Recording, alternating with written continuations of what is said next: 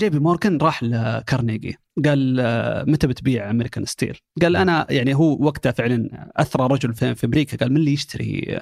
من اللي عنده من اللي أثرى مني أصلا يشتري شركتي أصلا؟ إيه، هذا الآدمي من كثر ثروته كان هو البنك المركزي في أمريكا. نعم. كان يعطي قروض للبنوك الحكومة الأمريكية. إي ويسلف الحكومة. في في مرة أمريكا بغت تفلس راحوا عند جي بي مورغان وخذوا منه قرض.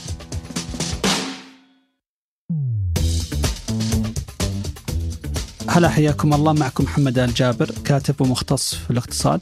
وهادي فقيهي أستاذ مساعد في الإدارة الاستراتيجية ومهتم بالاقتصاد والتقنية والتسويق.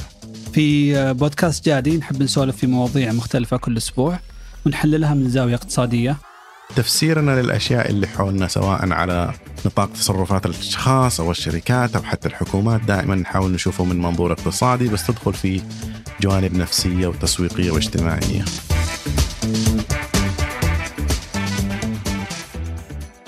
هلا هادي. حياك الله محمد. أشوفك تضحك على جوجل. يا أخي الشركة هذه مساكين جالسين والله يعانون. بس جاء اليوم المنتظر إن إن إنه يوم الشماتة. يوم الشماتة زي ما الناس شمتت من كل الشركات اللي قبل. IBM غيرها كل أتوقع عشر سنوات تيجي شركة الناس خلاص تتحول من تذكر أيام أيام الجامعة كان ناخذ كتاب What Would Google Do صح؟ إيه. إنه الأفكار الجديدة اللي حتطلع منهم. والآن آه ط- طيب نقول وش القصة قصة الشماتة عشان بس الناس آه، أوكي. أتوقع نهاية السنة الماضية أصدروا كان عندهم Bard اللي هو ال- المنتج اللي شابه ChatGPT الذكاء الاصطناعي. الذكاء الاصطناعي اللي تسولف معه ويجاوب على أسئلتك. بعدين جابوا Gemini منتج ثاني. والآن آخر شيء نزلوا Gemini 1.5 واللي كان فيه خاصية إنه يطلع لك صور يصمم لك صور. يعني ال- لما تشوف صور في باستخدام الذكاء الاصطناعي فتعطيه توجيه مثلا إيه. سوي لي صورة حصان يعزف عود. اي ويطلع لك صورة من فوري فورية يعني فيها تخيل من الذكاء الاصطناعي. اي على حسب أنت التصميم اللي قلته. الناس أكيد عارفتها يعني قد شافت هذا ال- اللي على تويتر بس إحنا إيه. متهمين إحنا نذكر أشياء بشكل سريع فبس إيه. ودي أبين بعض. النقاط. اللي صار إنه الناس لاحظت إنه في تحيز واضح جدا في نوع الإجابات لما تسالوا عن صور أشخاص. هذا Gemini اللي Gemini من الجديد. جوجل يعني الناس كانوا يسألوه إنه جيب لي صور الآباء المؤسسين في أمريكا مم. اللي كان كلهم بيض. يجيب لك واحد شكله آسيوي واحد شكله أفريقي واحد بس ما في ولا واحد أبيض. يعني السياق ابدا ما يسمح بالتعددية ما كان في تعددية سياق تاريخي. بعدين تقول لي جيب لي صورة البابا. جيب لك صورة البابا أسود. ما عمره صار في بابا أسود يعني هم كلهم بيض من أولهم إلى آخرهم. طبعا هو طلع في تويتر الناس عرفت عن السالفة واحد سو يعني طلع له ال- النتائج هذه بال كذا بالتجربة وحطها في في في تويتر. فالناس رجعت فتحت وتعمدوا إنهم يعطونا يعني وش أكثر شيء؟ مثلا آه، طلع لي آه، السنة اللي هو الكونغرس في عهد ال- آه، اليونانيين مثلا. قبل مم. 2000 سنة. فيطلع لك يعني أفارقة وأشكال وأنواع ونساء داخل يعني كلهم إيه. كانوا شي شيبان يعني آه، يونانيين ف اي إعادة كتابة للتاريخ على انه التاريخ. دائما وابدا كان كان واضح إنه في التوجيه اي طبعا كيف يصير التوجيه؟ أنت الآن طبعا ما أبغى أدخل في التفاصيل بس لما تسأل ChatGPT هو ياخذ ال- السؤال حقك ويروح يجيب الصور بناء على العناصر اللي أنت اقترحتها.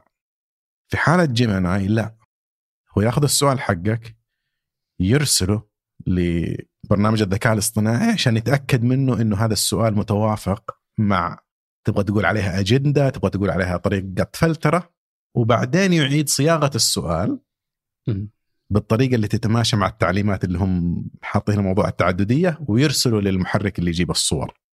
ففعليا أنت السؤال اللي وسألته ما وصل للمحرك. راح لمحرك ذكاء اصطناعي ثاني غيره وبعدين رجع. بس طلع المشكلة عند جوجل مو بس ال- الذكاء الاصطناعي حتى البحث. أنا الآن الآن في جوجل بحثت جوجل الصور بحثت white American family جيب لي صور عائلة أمريكية بيضاء. في البحث الجوجل في العادي البحث العادي. الأربع الثمان نتائج الأولى كلها يا سود يا في خليط أسود وأبيض.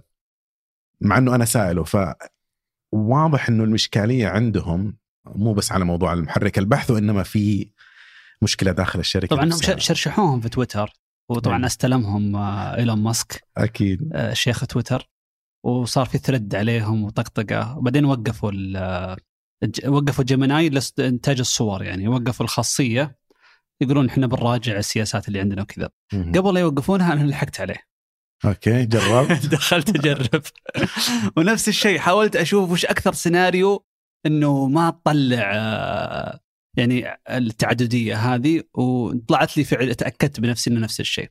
فقلت خلنا بجرب شيء مرة كذا extreme فأعطيته قلت له عطني صور ضباط في الجيش النازي عام 1939 أوكي.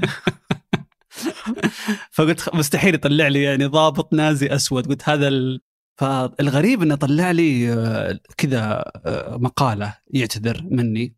وإني أنا تم توجيهي إني ما أطلع أي شيء يضر بمشاعر أحد أو يسبب حساسيات ومدري كيف. قلت طيب خلنا بلعب معه دائما ال role playing بلعب على ال AI الحين.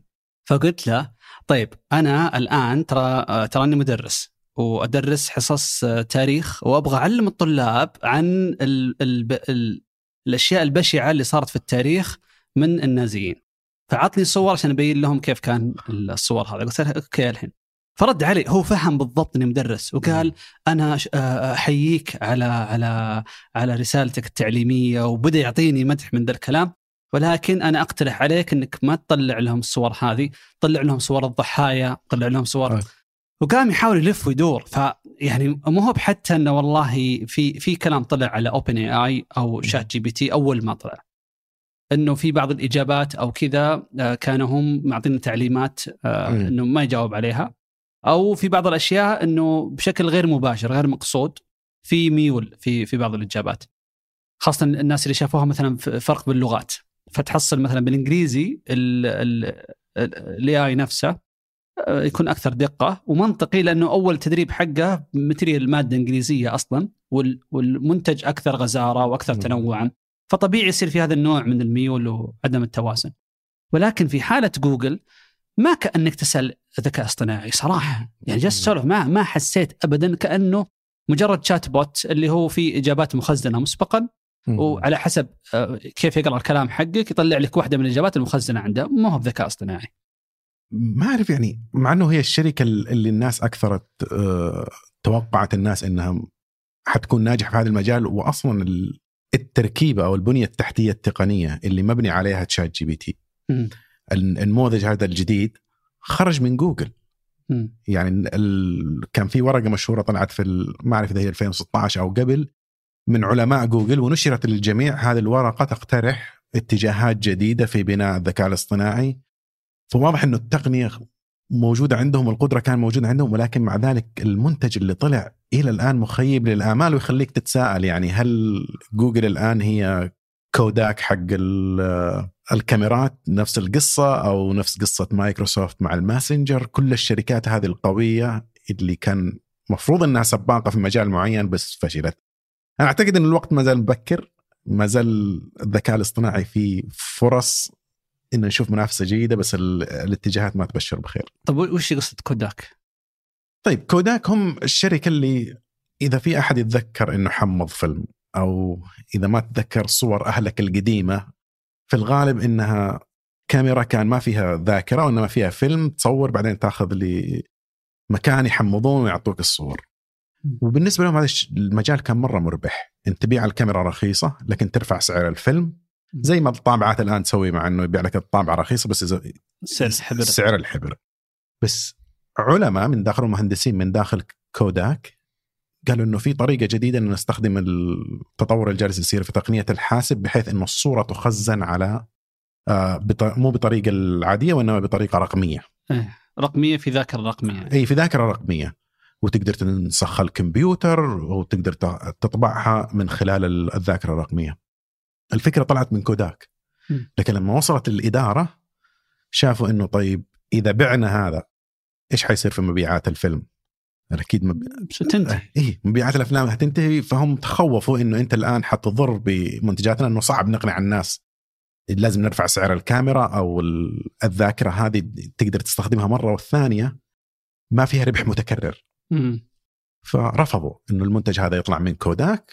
وقتها طبعا أول ما في شركة تعرف تقنية خلاص تبدأ المعلومات تتسرب وشركات ثانية يكون عندهم القدرة. ففي الشركات اليابانية وقتها أتوقع سوني فوجي أو سوني فوجي. أوائل وما أعرف أعتقد أيضا سوني.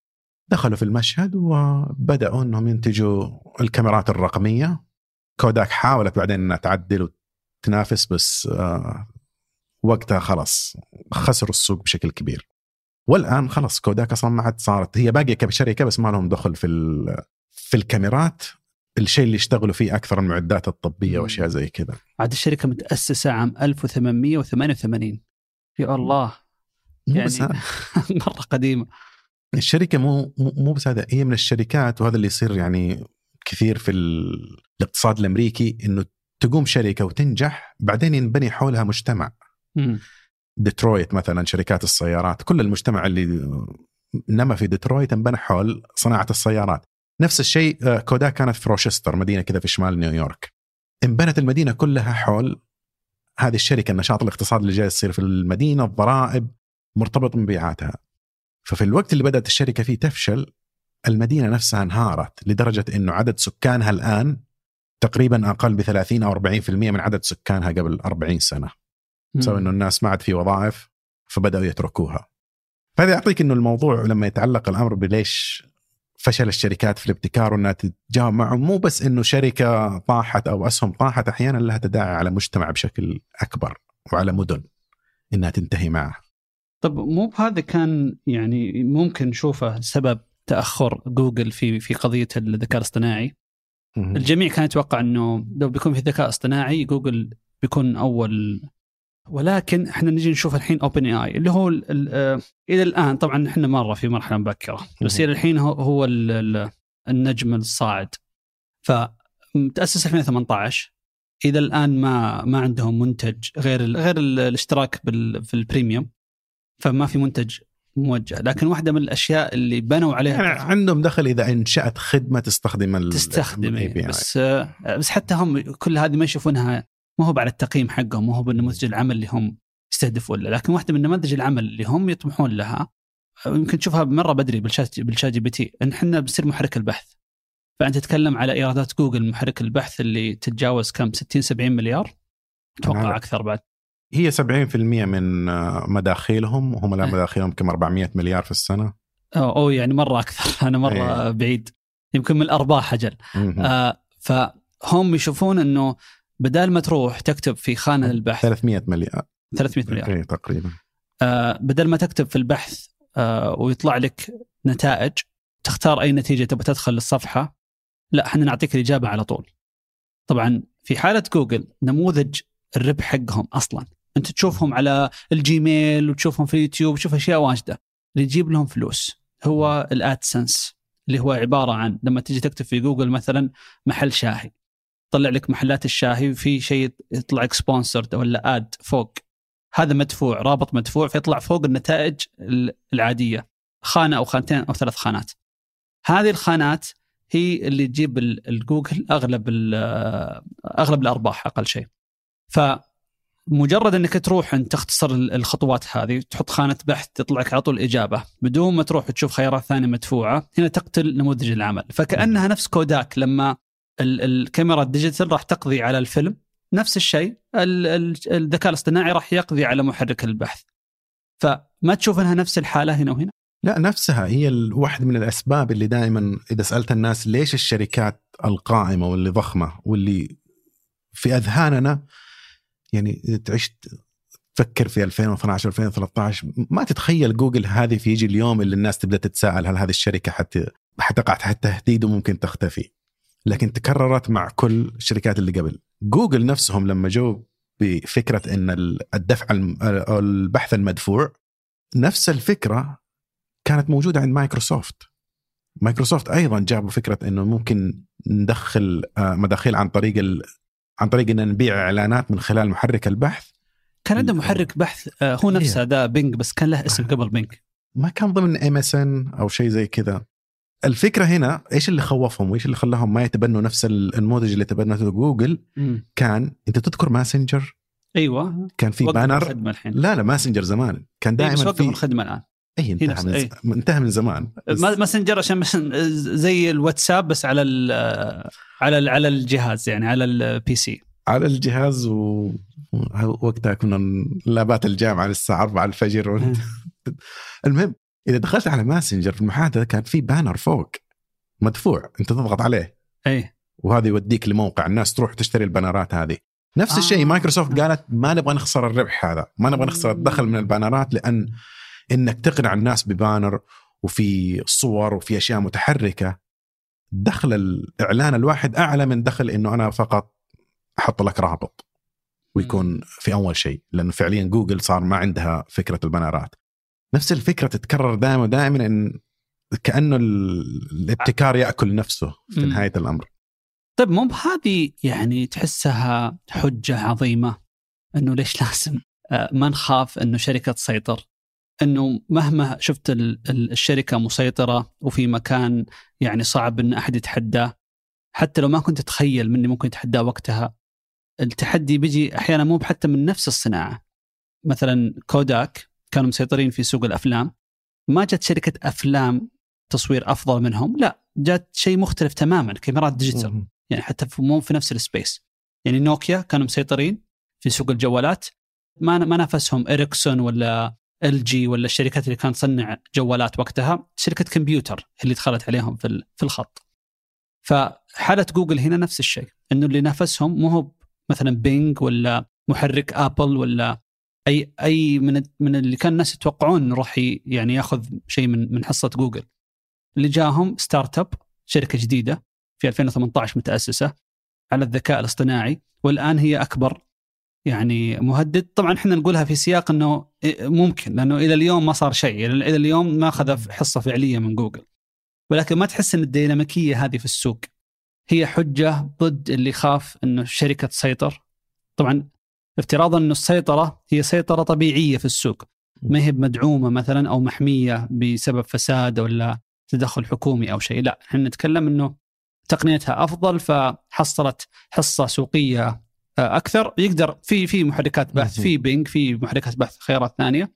ولكن بحكم انهم الأكبر في عدد المستخدمين هذا يعطيهم ميزة تنافسية عن غيرهم فصاروا مسيطرين يعني. السؤال مرة عميق ومعقد حتى ما يمديك تجاوب عليه من طريقة واحدة لكن في له أصل فلسفي ترى. إنه في ناس دائما تفكر طيب إيش هي طبيعة الأسواق وطبيعة المنافسة؟ وفي ناس إلى الآن يتبنوا فكرة إنه الأسواق والمنافسة تحكمها قوانين طبيعية، في قوانين في الطبيعة مفروض مثلا المشرعين والحكومات ما تتدخل فيها كثير لأنه زي ما قلت حتى لو تخوفت من شركة اليوم صارت كبيرة حجمها هذا حيغري أشخاص ثانيين إنهم يحاولوا ويحاولوا إلى ممكن اليوم ممكن بكرة ممكن بعد عشر سنوات في واحد حينجح إنه. يجيب منتج يتفوق على هذه الشركة. إنه الحجم نفسه حيضعف الشركة نفسها لأنه الشركة إذا كبرت تصير أبطأ تصير أقل استجابة للمتغيرات حولها. في ناس اللي تشوف هذه النظرية فلا تتدخلوا دعه يعمل دعه يمر نفس الفكرة القديمة. بس في وجهة النظر الثانية إن لا الاسواق ما توجد بشكل طبيعي وبالعكس لو تركتها من غير تدخلات من غير وجود ال- الشركات ال- أو التشريعات اللي توجه المنافسة تحكم التصرفات اللي الشركات المفروض تسويها أنظمة حوكمة قوية الاسواق حتسيطر عليها شركات قليلة جدا. طبعا في سوق التقنية في أمثلة على أن لا السوق ممكن يصحح نفسه مع أن ممكن نتساءل عن الثمن اللي إحنا ندفعه كم سنة وإحنا انتظرنا عشان يجينا منتج زي كذا؟ ممكن ياخذ الذكاء الاصطناعي يتطور بدري جدا إذا ما كانت جوجل شركة مسيطرة وما تخلي أي أحد ينافس معها أحيانا بطرق زي ما تقول ممكن ما هي 100% غير قانونية لكنها أكيد ضد المنافسة. يعني هذه الاشكاليه الآن. إذا في شركة نجحت لأنها منتجها فعلا هي قادرة على الابتكار أنا ما حد جالس يقدر ينافسني انه منتجي أفضل وما تقدر تقول لي خلي منتجك أسوأ. هذا شيء. لكن اللي يصير في كثير من الأحيان إن إنت تنجح تصير عندك مصادر مالية عالية جدا تصير عندك قوة في السوق عندك علاقات مع الموردين اللي يخافوا إنهم إذا راحوا وردوا لمنافسك ممكن يخسروا هذه العلاقة وعندك أيضا إنه المستهلكين مبسوطين معك. تبدأ تستخدم هذه القوة عشان تقتل الابتكار نفسه. ما تسمح للآخرين إنهم يبتكروا. واحدة من أبسط هذه الأمثلة إنك تشتري شركات تشوفها إنها تنافس مع منتجك وتقفلها. هذه السياسة اتبعتها ما واحد من أكثر الشركات اتبعتها كانت فيسبوك. استحوذ واقتل. الفكرة إيش؟ ما تقدر تنافسني؟ خلاص أنا حاقفل منتجك. جوجل أيضا استخدمتها. فوقتها أقول صح ممكن إنه يفشلوا في النهاية بس أعتقد إنهم يت... تأخرهم في الفشل له تكلفة له تكلفة على الاقتصاد وله تكلفة بس بعدين. لو نرجع مثلا مثال كوداك. لما شركة زي كذا تنهار ومدينة كاملة تنهار معها أنت لما تسمح بشركة أنها تصبح ذات حجم كبير الآن أدخلت مخاطر على مستوى الاقتصاد كامل. يعني اليوم مثلا لو عندك أكبر بنك في السعودية يروح لا قدر الله ويفشل. تخيل كمية الاصول اللي سيتم خسارتها كمية الودائع إيش تأثيرها على الاقتصاد بشكل كبير. نفس الشيء مع شركات زي كذا. إنه شركة مثلا يكون حجمها على 30% من السوق وتفشل تداعيات هذا الفشل أقل بكثير من إنك تتكلم عن شركة جالسة تستحوذ على 99% من السوق. وقتها وظائف تنتهي ناس يعني يضطروا إنهم يروح ويرجع يتعلم مهنة جديدة تداعيات الفشل نفسها أصلا ما هي شيء إيجابي على الاقتصاد. فوقتها أقول ممكن تحتاج شوية تقنين. طيب اللي اللي إيش يتصورون الحل اللي يعني عندهم الرأي هذا؟ أعتقد تصور إنه في مفروض اللي هي قوانين حماية المنافسة إنك مثلا إذا تدخل على السوق هو هذه الإشكالية إنه في الفلسفة الأمريكية خصوصا اللي كثير منها جات فكرة حماية المنافسة واللي تتبعها دول كثير إنهم يقولوا إذا عملية الاستحواذ اللي أنت تبغى تسويها على شركة ثانية ما حترفع السعر على المستهلك نسمح فيها. م. إذا الهدف من هذا إنك تقلل عدد الخيارات وتقفلها وقتها نقول لك لا لا تسوي عملية الاستحواذ هذه، هذه ببساطة المنهجية اللي يتبعوها. طيب م. هذه المنهجية ما تنطبق على الشركات اللي خدمتها مجانية صح؟ إيه؟ يعني أنت تقول لي الفيسبوك استحوذت على على واتساب واتساب كان ببلاش وقتها قبل. بقى ببلاش بعد. وبقى ببلاش بالعكس كان قبل أذكر أنا أول ما نزلت الواتساب قبل استحوذ عليه فيسبوك وأذكر إني دفعت آه، مدري دولار أو دولارين عشان بس. كان في طرق كثير تتحايل تحذفه ومدري إيش تغير جهاز. آه.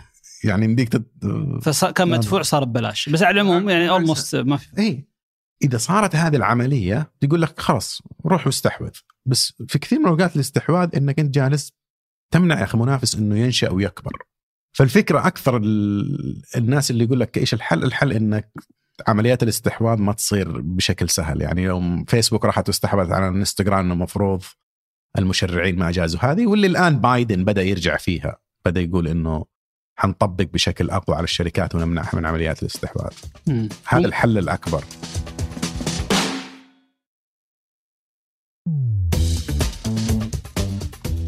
هو يمكن في أوروبا أكثر أكثر تقبلا للسياسات الداخلية هذه. وقبل آه، أتوقع قبل يمكن شهر أو شيء كان في استحواذ كبير لادوبي معنا شركة أمريكية تبي تستحوذ شركة فيجما.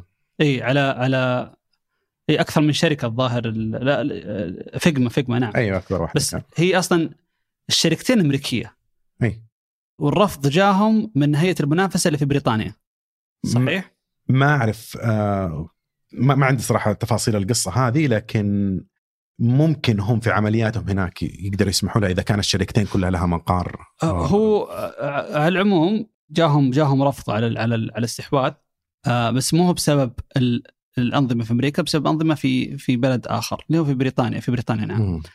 فالشركتين الأمريكية الاستحواذ كان ب 20 مليار دولار ورفضوا الاستحواذ لأنه بيصير في سيطره على السوق مع أنه كان التكامل بينهم يعني أكبر شركة تعطيك آه، خدمات تصميمية للمصممين وشركة فيجما يعني عندها آه، خلينا نقول استخدام للذكاء الاصطناعي ووجهة مستخدم أكثر فرندلي مع مع اللي توهم يبدون في التصميم فهم دمجوا الثنتين مع بعض. ولكن هذه السياسة مقتنعين فيها في أوروبا ومستخدمينها بشكل كبير وبدال يعني أو أو كانت في البداية يعني يمكن ضايق على فقط الشركات اللي تشتغل في في أوروبا سواء كانت أوروبية أو تشتغل في اقتصادهم بشكل مباشر. الحين حتى الشركات العالمية اللي خدماتها موجودة في كل مكان. فيمكن تشريعيا حتى يوقفون شركات في دول ثانية. أنا شوف هذه وجهة النظر أنا أنا ودي أعرف وجهة نظرك إي. إي. هذه وجهة النظر موجودة من أيام كان في في بداية القرن العشرين حتى يعني خلينا نقول مع مع Standard Oil يمكن هذه أول antitrust في تاريخ أمريكا. عشان نشرح ال antitrust إنه لما تمنع شركة منها تسيطر على سوق معين أو إنك أي. تقول إنكم صرتم كبار لازم تنفصلون وتصيرون أكثر من شركة. فأول ملياردير في التاريخ اللي هو روكفلر سيطر على قطاع النفط في أمريكا. ويعني شراها بير بير جمعها لين ما بعدين شرى حتى القطارات اللي تنقل ال- النفط فصار ما ينقل النفط إلا فقط للآبار اللي تمر آه، يعني سكة الحديد عند آباره. وبدأ يسيطر عليها وكبرت الشركة وفعلا هو اللي يعني وصل النفط للعالم خلينا نقول. انقسمت طبعا رفع آه، كانت أول قضية ما كان في حتى قوانين وقتها يعني كلها كان القضية مبنية على فقط حالة Standard Oil. و Standard Oil واحدة من الشركات ال- أو بجيها في الكلام.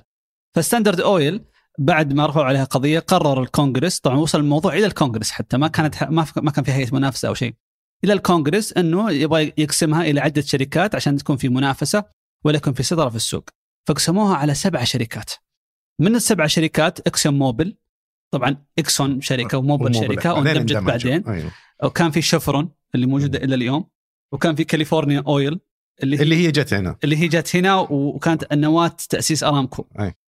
فمن 1910 تقريبا 10 11 يعني في بداية القرن العشرين هذه كانت يمكن بداية ال- قضية ال antitrust وكان في مبرر إنه وقتها يقولون إنه والله في سيطرة شبه كاملة على سوق النفط في أمريكا وهذا الشيء كان في آه، سياسات آه، يعني كان في تهديد لأصحاب ال- الأبار الصغار وفي دمج للصناعة وإلى آخره.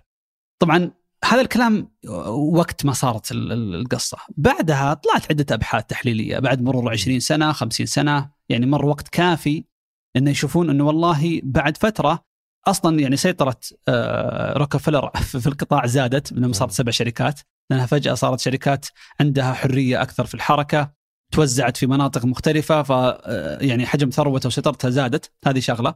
الشغلة الثانية إنه كثير من الآبار اللي في البداية كان ممكن استثمار بسيط وشركات صغيرة تشتغل فيها تبين بعدين إنه لا هذه كانت بس في بداية الصناعة أي. مع تطور الصناعة الآبار السطحية هذه كلها راح تختفي وراح تتطلب أصلا انه يصير في consolidation في ال market أو م. تراكم أو خلينا نقول تركز للشركات في كيانات أكبر. فاللي صار إنهم بس كانوا يشوفون تطور طبيعي للسوق بس هم ما هم عارفين لأن أنت وسط ما هو بيصير التطور هذا تحس إنه شيء طارئ جديد، شيء غلط. يعني السوق كان متوزع فجأة صار متركز في شركة واحدة يعني أو أو أغلبه في شركة واحدة. بعد ذلك يعني بدأ في تشريعات لا دائما موجودة ولكن دائما كان يمكن وجودها في أمريكا أضعف من وجودها في أوروبا بشكل آه، كبير خاصة بعد الحرب العالمية الثانية. آه، واحدة من القطاعات اللي مثلا آه، نضحك الحين عليها كلها لما نشوفها بشكل ماضي بس الناس تنسى يعني القضية اليوم هي اللي تهتم. لكن كان في كلام على ال department stores أو المحلات اللي تبيع كل شيء. هذه بداية القرن العشرين برضو كانت زي Sears. Sears كان عبارة عن محل ياخذ له ستة سبع أدوار وفي محلات ملابس محلات تشتري آه، جزم وانت بكرامه و- وبرضو أكل ويعني جميع الاحتياجات حقت الأسرة اللي كانت قبل يعني تنباع كل متجر لحاله تتركز في محل واحد. وسيطرة المحلات هذه إنها تعطي تجربة مميزة وياخذون أماكن يعني آه، في في يعني وسط المدينة وكذا فبدت تأثر على المحلات الصغيرة اللي هو النموذج المعتاد إنه إيه. المامن مامن باب ستورز دي فكان في كلام إنه نبغى نفكفك سيطرة دائما تتكرر هذه. ال department stores بعدين جاك نموذج مختلف شوي اللي هو كان الهايبر ماركت الكبيرة زي Kmart يعني في النماذج هذه Target.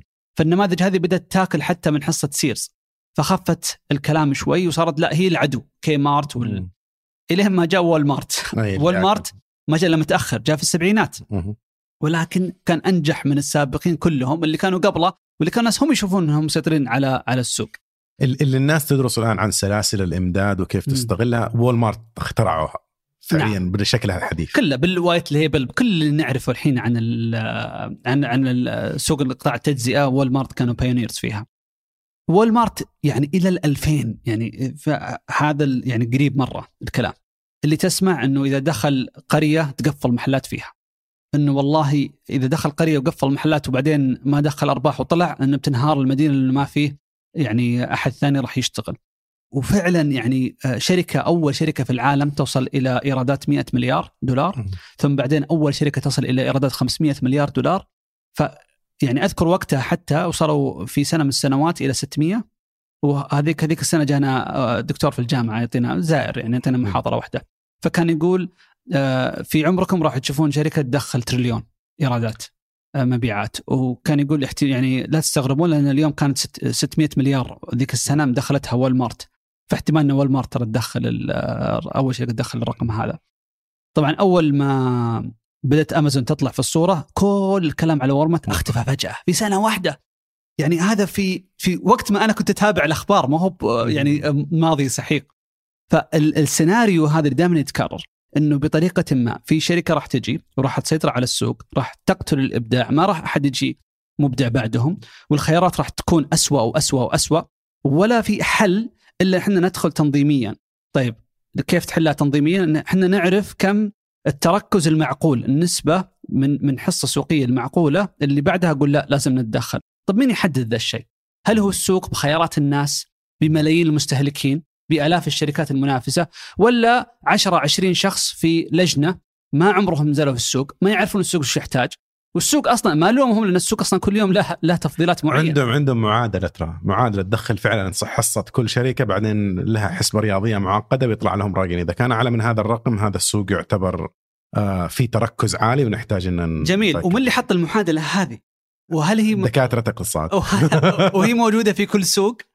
فإحنا نشوف الفلو الحين أو نشوف العيب المبني إنه السياسات هذه اللي, اللي بدأت تطبيقها من بعد الثمانينات بشكل جدا قاسي في أوروبا في آخر 30 سنة في أوروبا ولا شركة واحدة طلعت قيمتها فوق 100 مليار.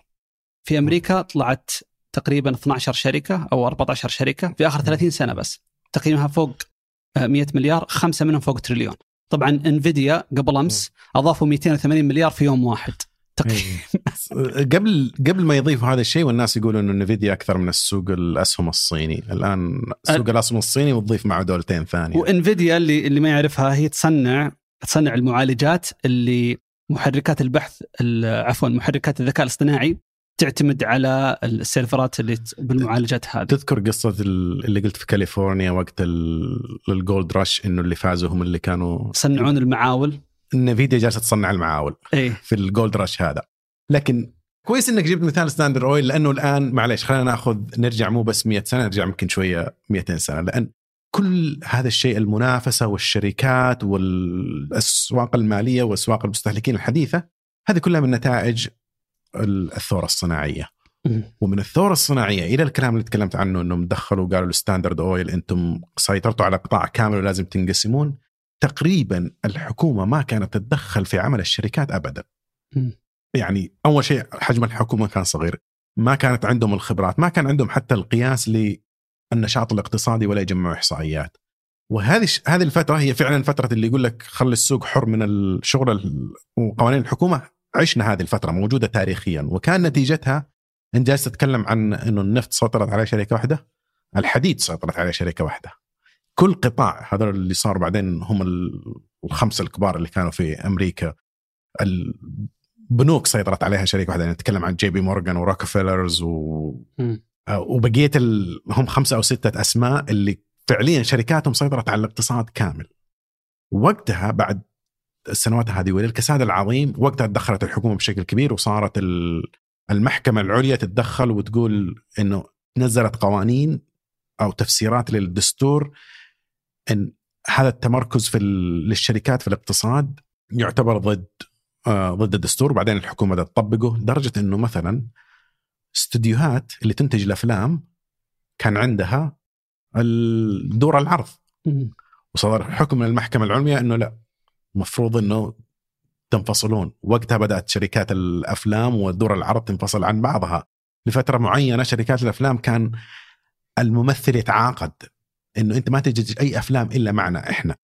كل هذه الأشياء تم فتكتها في فترة معينة بعد الحرب العالمية الثانية خصوصا وهي الفترة اللي فعلا خرجت فيها أكثر الشركات الجديدة واللي تطور فيها قطاع جديد. فما نقدر نقول إنه السوق صحح نفسه فعليا من غير تدخل حكومي. بعدين رجعنا بعد ما جاء ريغان و... وقال إنه خلاص نسحب الحكومة من ال... من العملية الاقتصادية قلل عدد التشريعات بشكل كبير. رجعت الأسواق تتركز في شركات قليل. فعليا عدد الخيارات الآن اللي موجود قدام المستهلك أقل بكثير. يعني مثلا تأخذ الآن قطاع الطيران. ليش بوينغ على كل سوقها ما زالوا ما يشعروا بالتهديد أو إنهم لازم يحسنوا منتجهم؟ طيب مين البديل الآخر؟ أنت سمحت لهم إنهم يستحوذوا يستحوذوا الين في النهاية بقت شركتين بس في السوق اللي فعلا تقدر تنافس. فالسوق فعليا مو جالس يصحح نفسه وإنما في تصحيحات تصير على كل هذا المدار التاريخي اللي تساعد إنه المنافس يرجع لوضعها الطبيعي برجع على على نقطة إنه دور العرض واستديوهات السينما. كان الفكرة هنا إنه أنت ك كشركة تنتج أفلام ما تقدر يعني تملك آه، دور العرض لأنك بتصير تحتكر من اللي جالس يعرض الأفلام. فأنت بتعرض أفلامك فقط في دور السينما اللي أنت تملكها بينما إذا واحد فرد عنده دور دار سينما ما راح تعطيه الفيلم حقك أو راح تعطيه بشكل متأخر فراح تقتل البزنس حقه. فكان الفكرة إنه عشان نحافظ على يعني فلوس أصحاب دور السينما فراح نخليهم آه، منفصلين تماما عن أو نحميهم من آه، صانعي الأفلام. ترى بنفس النموذج هذا أبغاكم بس تذكرونه بشكل جيد. إيلون ماسك يوم جاي يبغى يبيع تسلا بشكل مباشر للمستهلك ما كان يبغى يبيعها عن طريق وكلاء وجاي يبغى يفتح المعارض حقته وجت الولايات وقالت ممنوع وغير مسموح لك ليش؟ هو في قوانين على حسب من ولاية لولاية تمنعك إنك تبيع بشكل مباشر للمستهلك جميل السيارات الجديدة في نفس الوقت اللي صار في تدخل من المشرع إنه يمنع استديوهات الأفلام إنها تمتلك دور عرض عشان ما تسيطر على السوق وتضرب سوق املاك ملاك دور العرض الآخرين. نفس الوقت طلعت تشريعات تطالب بحماية أصحاب الوكالات من مصانع السيارات انهم يفتحون منافذ بيع بشكل مباشر. فسووا تشريع بحيث انه Ford و GM و Chrysler إنهم ما يقدرون يفتحون آه، منافذ بيع بشكل مباشر ولا يبيعون سياراتهم بالنظام إلا عن طريق الوكلاء.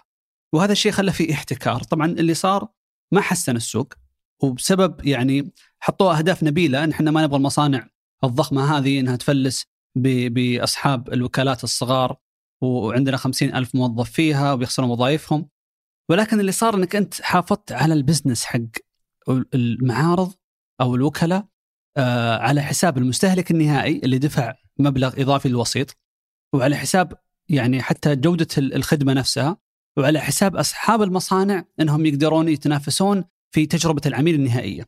فما في حافز كبير إنه يعني يهتم بما بعد البيع والصيانة إذا كان كلها عن طريق الوكيل والوكلاء مختلفين في آلاف الوكلاء آه، في أمريكا. والأنظمة هذه بحكم أنها دخلت بشكل تشريع أصبحت قوانين وأصبحت موجودة يعني on the books حتى لو الناس تقبلتها والعشرات السنوات هم يتشكون من الوكالات لكن خلاص يعني شكوى الله حتى إذا جاء يعني شخص يبغى يجيب منتج جديد يبغى ينافس يبغى يحرك في السوق بقوة الأنظمة التشريعية اللي وضعت في وقت سابق لأهداف نبيلة فجأة الآن صارت هي العائق قدام التقدم واللي بدل ما تروح تشتري تسلا بشكل مباشر بتجربة جميلة بمعارض حديثة بسعر واضح بدون إضافات وبدون تعديلات صرت الحين تروح تنجبر عن طريق الوكيل. طبعا آه، إيلون ماسك رفض إنه يبيع عن طريق أي وكيل وحتى في آه، في بعض الولايات يعني ما كان فيها الأنظمة هذه فتح المعارض بشكل مباشر الناس شافت كيف التجربة أحسن بكثير بل ولا مقارنة بالوكلاء.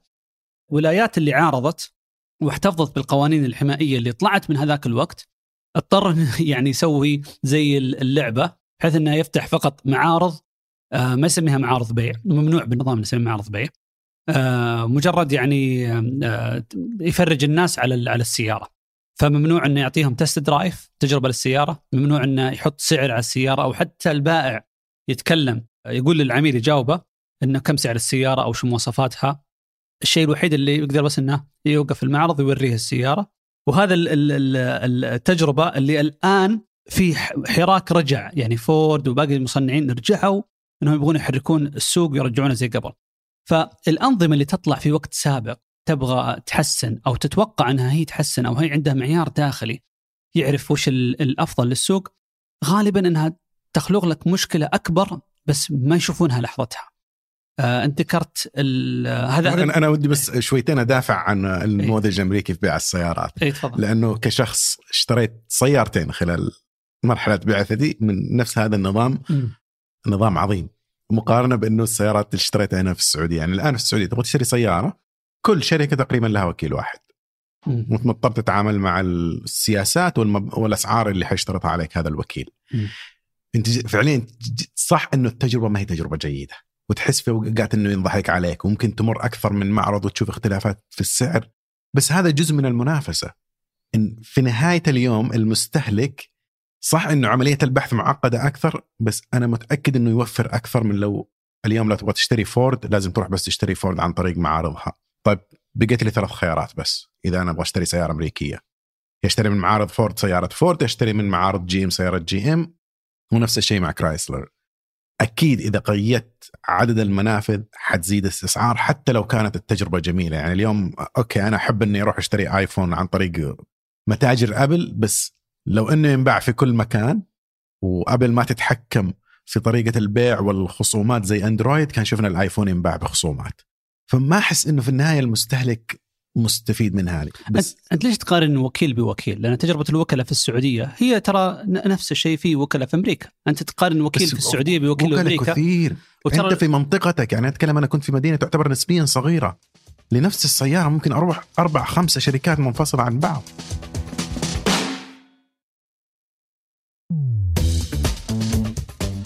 بس أنت افترضت أنك أنت بتحصل سعر أفضل الآن بالنظام الحالي بينما في نموذج جنبك قائم يعني تسلا جنبك موجودة أنت تشتري يعني من الشركة. لما في مقارنة في السعر إنه كم مرة تنباع السيارة بفوق السعر اللي يقترح المصنع، الآن المصنع مجبر إنه يحط سعر sticker price على السيارة، يعني يحط لزقة على السيارة فيها السعر، ولكن السعر هذا آه، مقترح وليس إجباري. وفي العادة يروح للوكيل، الوكيل على حسب السوق. أحيانا. يحط سعر إضافي. آخر كم سنة في أمريكا أحيانا جميل. السعر الإضافي أعلى من قيمة السيارة. أكيد. يعني أول ما نزل برونكو في أمريكا كان ينباع ب 80 ألف دولار فوق فوق ال sticker price وأحيانا يكون في سعر مخصوم. بس أصلا تاريخيا المصنع عارف انه الوكيل يبغى يكون عنده مجال للمفاوضة. فدائما يحط سعر أعلى من السعر اللي هو متوقع إنه راح يباع فيه فيسميه سعر مقترح. ولكن اللي صاير إنه بمجرد ما يصير في أي شيء في السوق حتى الآن فورد اضطروا إنهم يقولون أنت شريت منا فورد لايتنينج اللي هو الشاحنة حقتهم الكهربائيه بالنظام ما ما ما تبيع السيارة في أقل من سنة عشان ما يصير في متاجرة فيها. راحوا سحبوا يعني سياراتهم من بعض ال- الوكالات إنهم باعوها بسعر أعلى من السعر المقترح، طب طب ليش؟ هم فورد ليش ما هم مستفيدين إن يجيهم مبيعات أعلى؟ لأنهم دارين انه جالس يضر ال- ال brand حقهم جالس يخسرهم عملاء على المدى الطويل، طيب لو افترضنا إنه والله المصنع يبيع بشكل مباشر، طب ليش نفترض؟ already موجود تسلا عندنا موجودة، تسلا تبيع بسعرها في الموقع الإلكتروني تشتريه أو تروح للمعرض هو نفس السعر. إذا صار في خصم في تسلا يصير في أمريكا كلها واحد. نزلوا 5000 دولار من الموديل واي، كل موديل واي في أمريكا مو هو والله على حسب النقاش حقك. المثال اللي انت يعني يعني تحاول تح- تخليه الإشكالية إنه الأنظمة هذه دائما نجي نشوف آه، نظريا أو وش الناس تحس إنها آه، أثرها صار. بينما في عندنا يعني empirical evidence يعني في حسبة إنه وول مارت كم وفرت من مصروفات العائلة الأمريكية في السنة. أكيد. بتواجدها. وول مارت أفضل برنامج تنمية اجتماعي شهدته أمريكا في تاريخها. على أنه كان كل الكلام إنه والله بتسيطر وتقتل المحلات الصغيرة وبيصير عندك خيارات أقل وفجأة راح تدفع مبلغ أكثر. ولكن في حسبة هذه قديمة شوية أتوقع يمكن عمرها 10 سنوات فالمبلغ يمكن يختلف على حسب التضخم. ولكن في هذيك السنة 1500 دولار تقريبا في السنة من مصاريف السوبر ماركت وفرتها العائلة الأمريكية بسبب وجود والمارت، طب هل والمارت لأنهم والله يبيعون بسعر أرخص لأنهم حبايب ثلاثة من أحفاد المؤسس ثروتهم فوق 50 مليار. كل واحد ما هم مج- مجموعه فهم يعني مليارديرية جشعين جدا. الهدف الوحيد أنه يحققون أعلى عائد ربحية بأقل تكلفة فكيف يحققون العائد هذا؟ أنهم يسوون يعني تطوير في جوانب الناس توقعت إنه خلاص ما تتطور. الآن لما تدخل في في السيطرة على السوق هي زي الكوليسترول في نوع جيد ونوع سيء. السؤال عشان تعرف إيش النوع الجيد والنوع السيء تحتاج تعرف إيش مصدرها.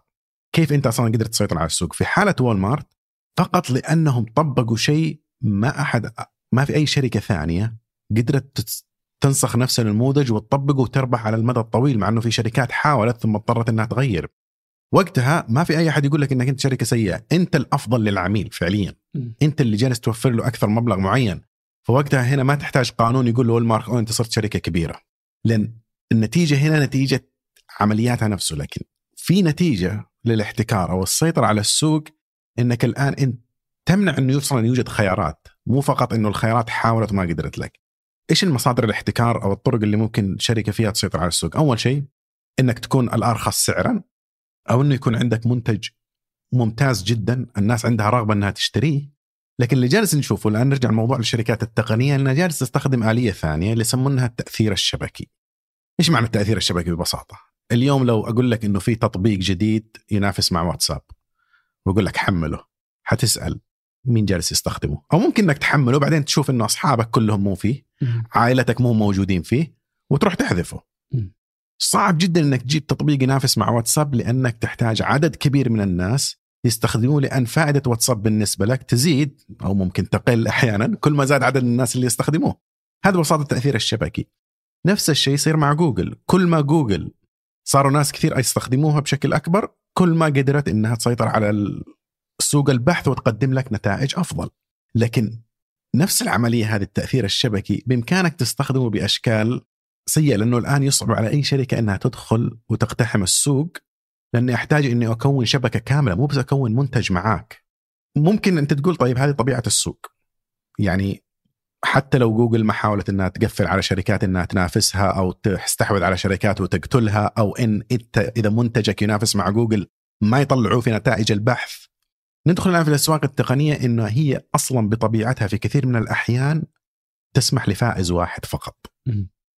نفرض مثلا ليش في نهاية الأمر بالشيء الطبيعي تطبيقات توصيل الأكل أيضا ينطبق عليها نفس موضوع التأثير الشبكي. المطعم عشان يحط أو يختار تطبيق معين حيختار التطبيق اللي عنده أكثر عدد من الزبائن وأكثر عدد من السواقين صح؟ وأنا نفس الشيء حستخدم التطبيق اللي عنده أكثر عدد من من المطاعم. طبيعي جدا إنه السوق هذا ما يتقسم بين شركات صغيرة، لأنه لو تقسم بين الشركات الصغيرة التجربة حتسوء للجميع. فبصير في يمكن خيارين ثلاث خيارات. أكيد يعني لكل مطعم حتروح تدور على شركة ثانية. لكن الشركات نفسها ما تستغل هذه القوة عشان والله أنا حوفر لك بالعكس جالس تشوفه مؤخرا أنه تصير تجربتك أسوأ وتصير المبلغ عليك أكثر لأنه يعرف بطبيعة السوق ما حك ما حيكون فيه إلا أنا ومنافس ثاني، أنا ممكن عندي يكون 70% ومنافس الثاني يكون عنده 20% أو شيء زي كذا. إيش الحل لهذا الشيء؟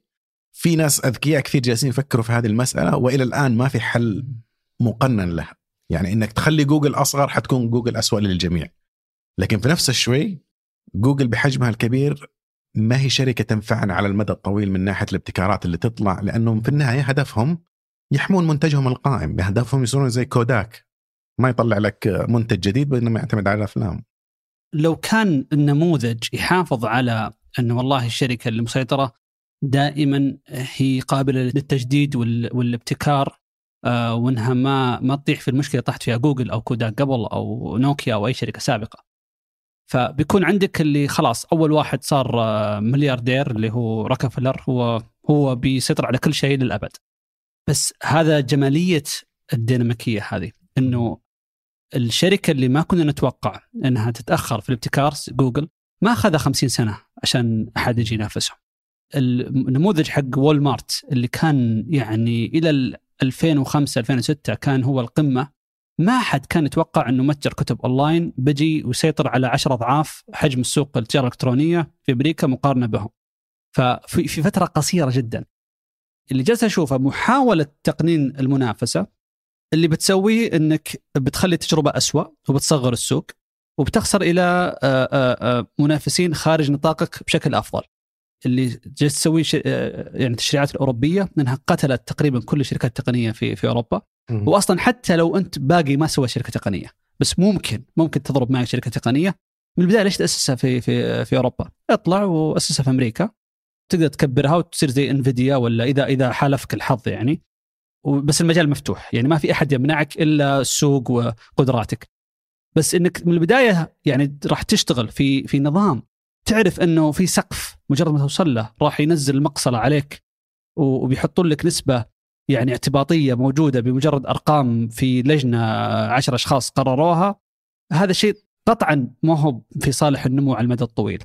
يعني حتى الأمثلة ال extreme اللي إحنا ذكرناها قبل أو ذكرتها قبل زي امريكان ستيل اللي هو امريكان ستيل اللي هو مصنع لل- لل- للفولاذ والحديد في أمريكا. في وقت معين كانت آه، أعلى شركة قيمة في أمريكا أعلى شركة قيمة في أمريكا وصاحبها كان أغنى أمريكي قبل روكفلر اللي هو كارنيجي فكارنيجي أيوه كان يجي حق ك- الجامعة اللي في اللي. الجامعات والمكتبات 10000 مكتبة باسمه في. أمريكا فكارنيجي بدأ يلعب ال game هذه إنه يكبر الشركة يكبر يكبر. لأن طلعت مصاهر الحديد في كل مكان في أمريكا.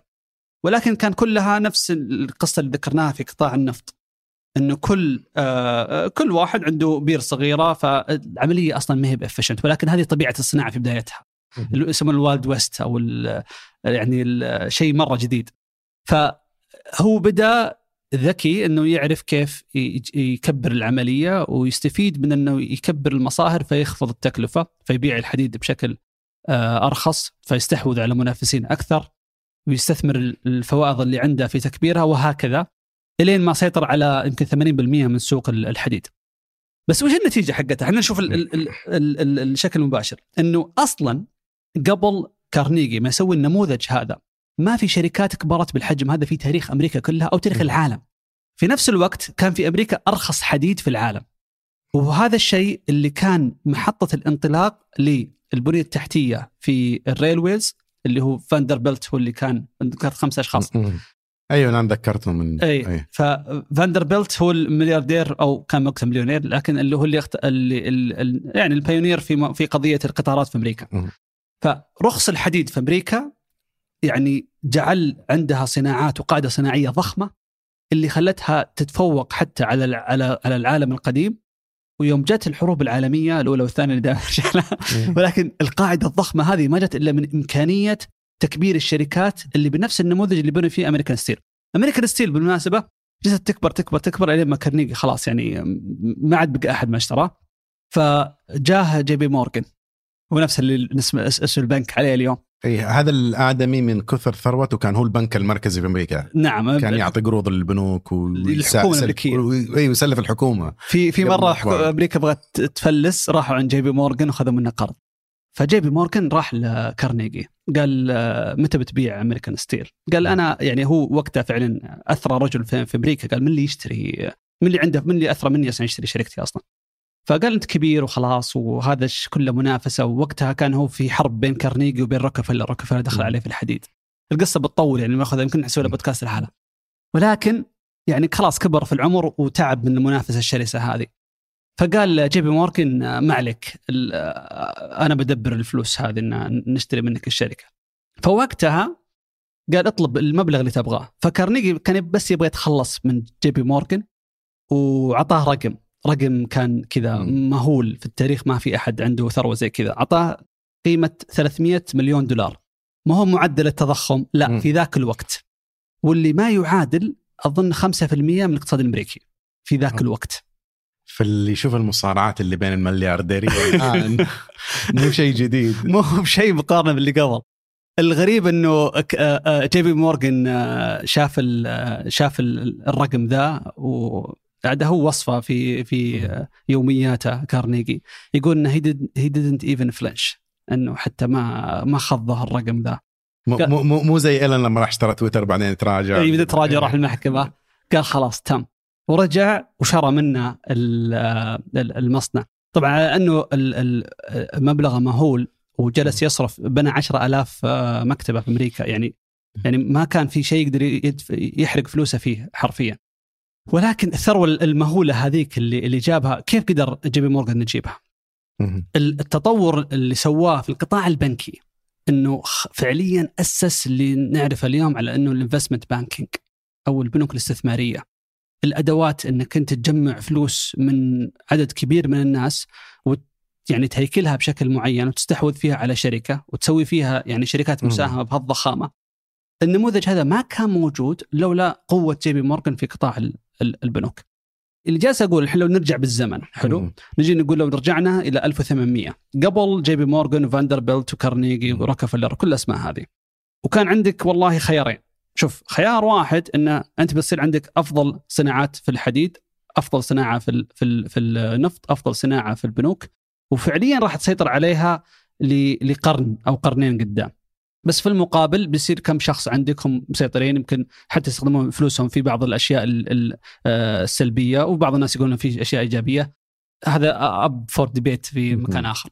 هل تبغى تاخذ هالخيار ولا خيار ثاني إنك تصير دولة ما عندك الشيء ذا وراح تخسر في في في سباق الصناعة؟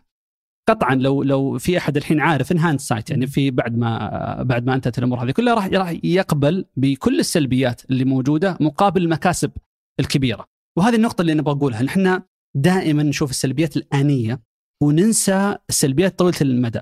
والسياسات اللي دائما تفضل الحلول اللي بس نشوفها اليوم ترضينا وتريحنا ونحس إن فيها عدالة وقتية بدون ما نشوفها سياقها التاريخي راح تكون هي فعلا سياسات لا أخلاقية للمستقبل، فالجيل المستقبلي راح يحاكمك بوضعه المستقبلي وليس بأخلاقياتك اليوم. طيب أنت جبت موضوع المكاسب وانه صح صار عندهم أرخص حديد وأفضل قطارات وكل هذه الاشياء، بالمناسبة في documentary اسمه The Men Who Built America اللي يبغى يعرف القصة هذه. مرة جميل ال documentary هذا. ف لكن مين المستفيد؟ وحتى الآن هذه نفس الحجة اللي يستخدموها الشركات التقنية إن إحنا جالسين نرخص لك ونوفر لك خدمات أكبر. م. طيب بس على حساب من؟ خذ كارنيجي هذا وشركة الحديد حقه. تعرف العمال اللي كان عنده كانوا يشتغلوا 12 ساعة في اليوم سبع أيام في الأسبوع كان مسموح لهم بإجازة واحدة اللي هو يوم العيد الوطني 4 of July بس الأوضاع في المصانع كانت مزرية جدا وعلى ثروته هذه كلها ما حسن فيها. صح إنه بعدين راح بنى 10000 مكتبة بس عدد الناس اللي ماتوا في مصانعه أو تضرروا أو حتى تقطعت أطرافهم ما أعتقد ما حيشفعوا له في هذا المقابل. ولما الناس تظاهروا ضده في مظاهرة مشهورة صارت في مصنعه أرسل بلطجية وصار في ضرب وقتل بأوامره.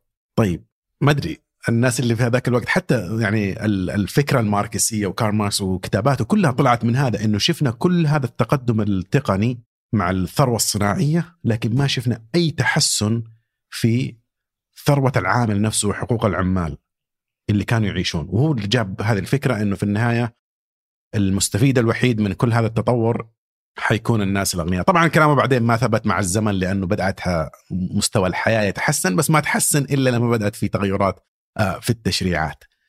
نرجع اليوم. جوجل يقول لك طيب يا أخي إحنا جالسين نوفر لك كل هذا ببلاش طيب على حساب من؟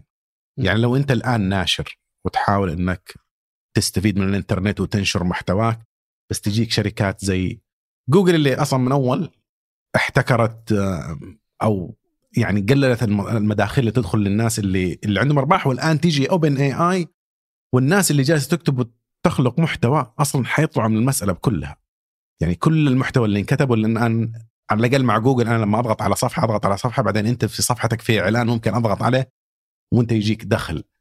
OpenAI جالسة تغير كل هذا في الإنترنت. okay. إحنا مستفيدين بس في أطراف ثانية تطلع من المعادلة تقريبا بصفر ف النقطة اللي أبغى اقولها من هذا الشيء طبعا الموضوع مره مرة صعب إنك تقارنه لأنه أنت في النهاية إلى الآن ما قد فعليا وجدت حلول مقنعة لكن الخاسر من المنافسه مو دائما العميل. أحيانا في احتكارات فعلا يستفيد العميل على حساب أشخاص آخرين.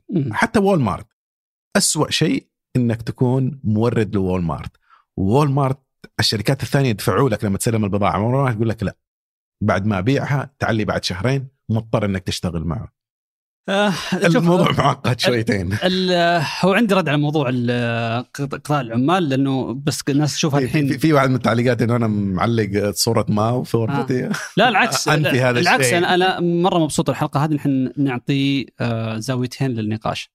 لأنه يمكن إذا ما في الزاوية المختلفة أنت ما تعرف إيش السياق اللي إحنا نتكلم فيه. فعلى موضوع العمال بس إنه ترى طول عمر البشر يشتغلون كل يوم. ما في شيء اسمه ويكند إلين ما جاء هنري فورد في مصنعه وقال بعطي يوم أوف عشان بس أبغى عمال أفضل لأنه أنا أحتاج ما أحتاج عدد كبير أحتاج ناس بمهارة أعلى.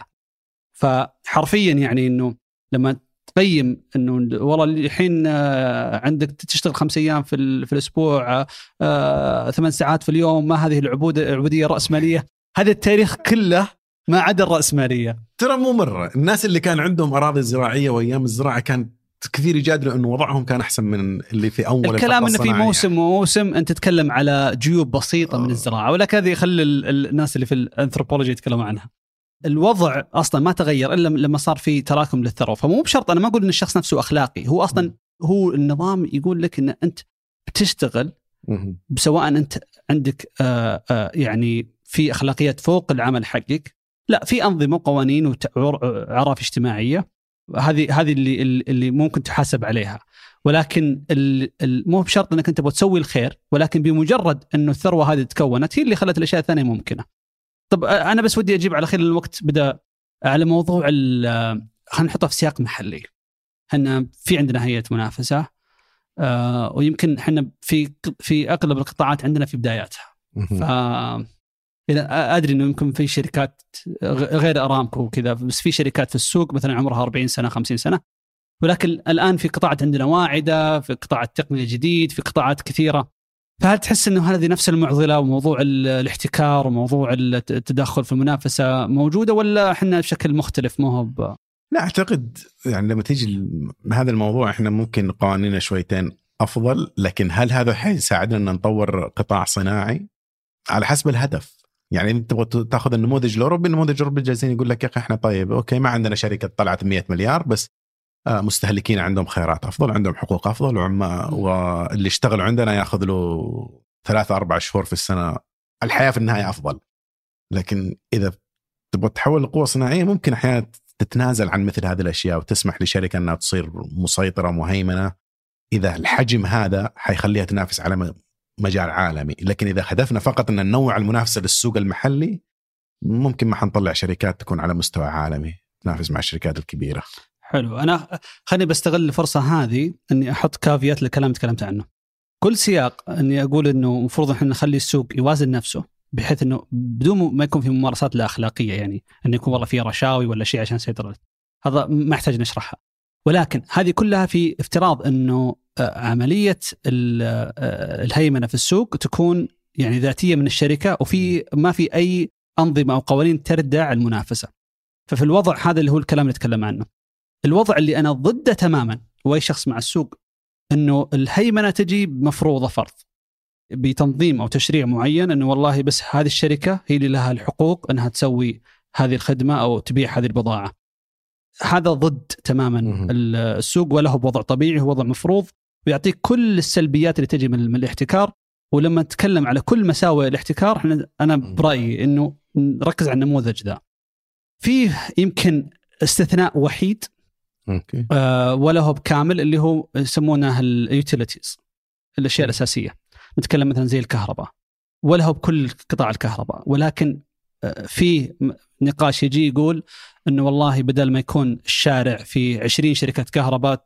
تمد فيه خطوط بيصير في فوضى داخل المدينة فحنا نخ- نخلي الخطوط هذه عامة إنه تمد للبيوت. المنافسة تصير في منتجين الكهرباء برا يعني كل واحد عنده المعمل خارجي لينتج الكهرباء بالطاقة الشمسية واحد بالرياح ويتنافسون في سعر تزويد الخدمة. ولكن البنية التحتية داخل المدينة ونخليها مثلا مسيطرة من من شركة واحدة وتصير إنها ما هي ما هي ما هي بشركة ربحية أو ما هي بشركة بشكلها الطبيعي تصير زي المناقصة أكثر منها. يمكن منافسة في الإنتاج بس التوصيل بس التوصيل أو شيء. ففي نطاق محدود جدا زي ما نتكلم في في البنية التحتية آه، أو الأساسيات. الكهرباء أو الموية لأنها تمر. مم. إذا تجاوزنا النقطة هذه أنا أشوف إنه لا في عندنا مجال إحنا نطور صراحة. في موضوع الابتكار آه، عفوا موضوع الاحتكار. ومو هو بشرط إنه آه، التطور اللي أنا أشوفه إنه ندخل في قطاعات ونفككها لأنه في آه، حصة مسيطرة على شركة عن شركة، ما أشوف هذه المشكلة اللي عندنا، إحنا عندنا مشكلة من نوع آخر. عندنا إشكالية إنه في قطاعات فيها شركات متأسسة من وقت طويل وحاصلة على والله موارد أو دعم حكومي معين. وحتى الآن لو نظريا صارت شركة حرة ولكن لا زالت محتكرة في القطاع سواء بعقود حصرية لتزويد الخدمة أو عندها خدمات إجبارية على المستهلكين أو الشركات فالوضع هذا بيخليها أرباحها ما هي بأرباح فعلية هي أرباح تطلع في الحسابات على القوائم المالية ولكن ما هي بجاية بسبب إنه والله خدمة آه، لها قيمة مضافة للمستهلك، المستهلك مجبور يدفع على. مثلا خدمة حكومية أو شيء ولكن ما عنده إلا شركة واحدة عن طريق عن طريقها يعني يستفيد من هذه الخدمة. فأنا أشوف المرحلة اللي إحنا فيها الآن إنه هذه هي هي أكبر خطر على المنافسة والابتكار في السوق. أنت ما تقدر تبتكر إذا والله في شركات عندها يعني آه، احتكار على قواعد بيانات حكومية خاصة ولا والله نطاقات أو تقديم خدمات آه، معينة هي الوحيدة عندها الترخيص. فما في شركة راح تطلع أصلا. تطلب منهم إنه والله ينافسون في في السوق مفتوح وبينما عندهم عندك شركات ماخذة حصة كبيرة وعندها إيرادات وأصول بالمليارات بتكون مع معدل لا أحيانا. الاحتكار أصلا يكون له خدمة لأهداف سياسية للدولة أو سيادية فتكون من مصلحتك إنك يعني هل تبغى أكثر من شركة من أرامكو؟ لا هي تستفيد من الحجم هذا انه في النهاية تحقق آه، أهداف الدولة في مضاعفة ال- العوائد من النفط، لكن بصراحة أنا ما أشوف أصلا حتى عندنا قطاعات هذه مشكلتنا، عندنا قطاعات تنا... مفروض انه تنافسية، ما فيها احتكار. ومع ذلك لما يرتفع السعر يرتفع السعر في كل الشركات. الناس يعتقدوا إنه هذه الشركات كلها اجتمعت وكونت صفقة ضد العميل بس فعليا ما عندهم مصدر القوة اللي يخليه يحتكر. إن مثلا نرجع لمصادر الاحتكار إنك لأنك أنت الأرخص فسيطرت على السوق. كثير من مداخلهم أو العناصر الأساسية للانتاج مستوردة. انت تستجيب لرغبات السوق العالمي ارتفعت أسعار المنتجات كله يرتفع. ما في أحد جالس يحصلها من مكان أرخص. الشيء الثاني إنك تبني علامة تجارية ممكن شركة شركتين بس معظمها فعليا منتجاتها جاي من بعض. الميزة الثالثة اللي تيجي من شركات ابتكارية فعلا اللي تخلق صناعة جديدة. م- لسه ما إحنا في هذاك المكان. السوق أنا ما وصل لهذا إنه بس ما تحس من عندنا صناعات جديدة وجود عشان- الموانع إنك أنت يعني. في في شركات في في مركز احتكاري آه،. ليس بسبب يعني ميزة عندهم أو شيء بس بسبب إنهم والله عندهم امتيازات آه، تش- تشريعية معينة. هذا الشيء أصلا يقتل أي آه، أي رغبة إنك تدخل هالسوق. بس إيش هي الاسواق اللي عندنا اللي التشريعات تخدم شركه معينة؟ يعني غير الشركات الكبرى اللي ممكن تكون في شركات كبيرة بس إحنا. الشباب يعني ما نبغى نتعبهم شوي في ال...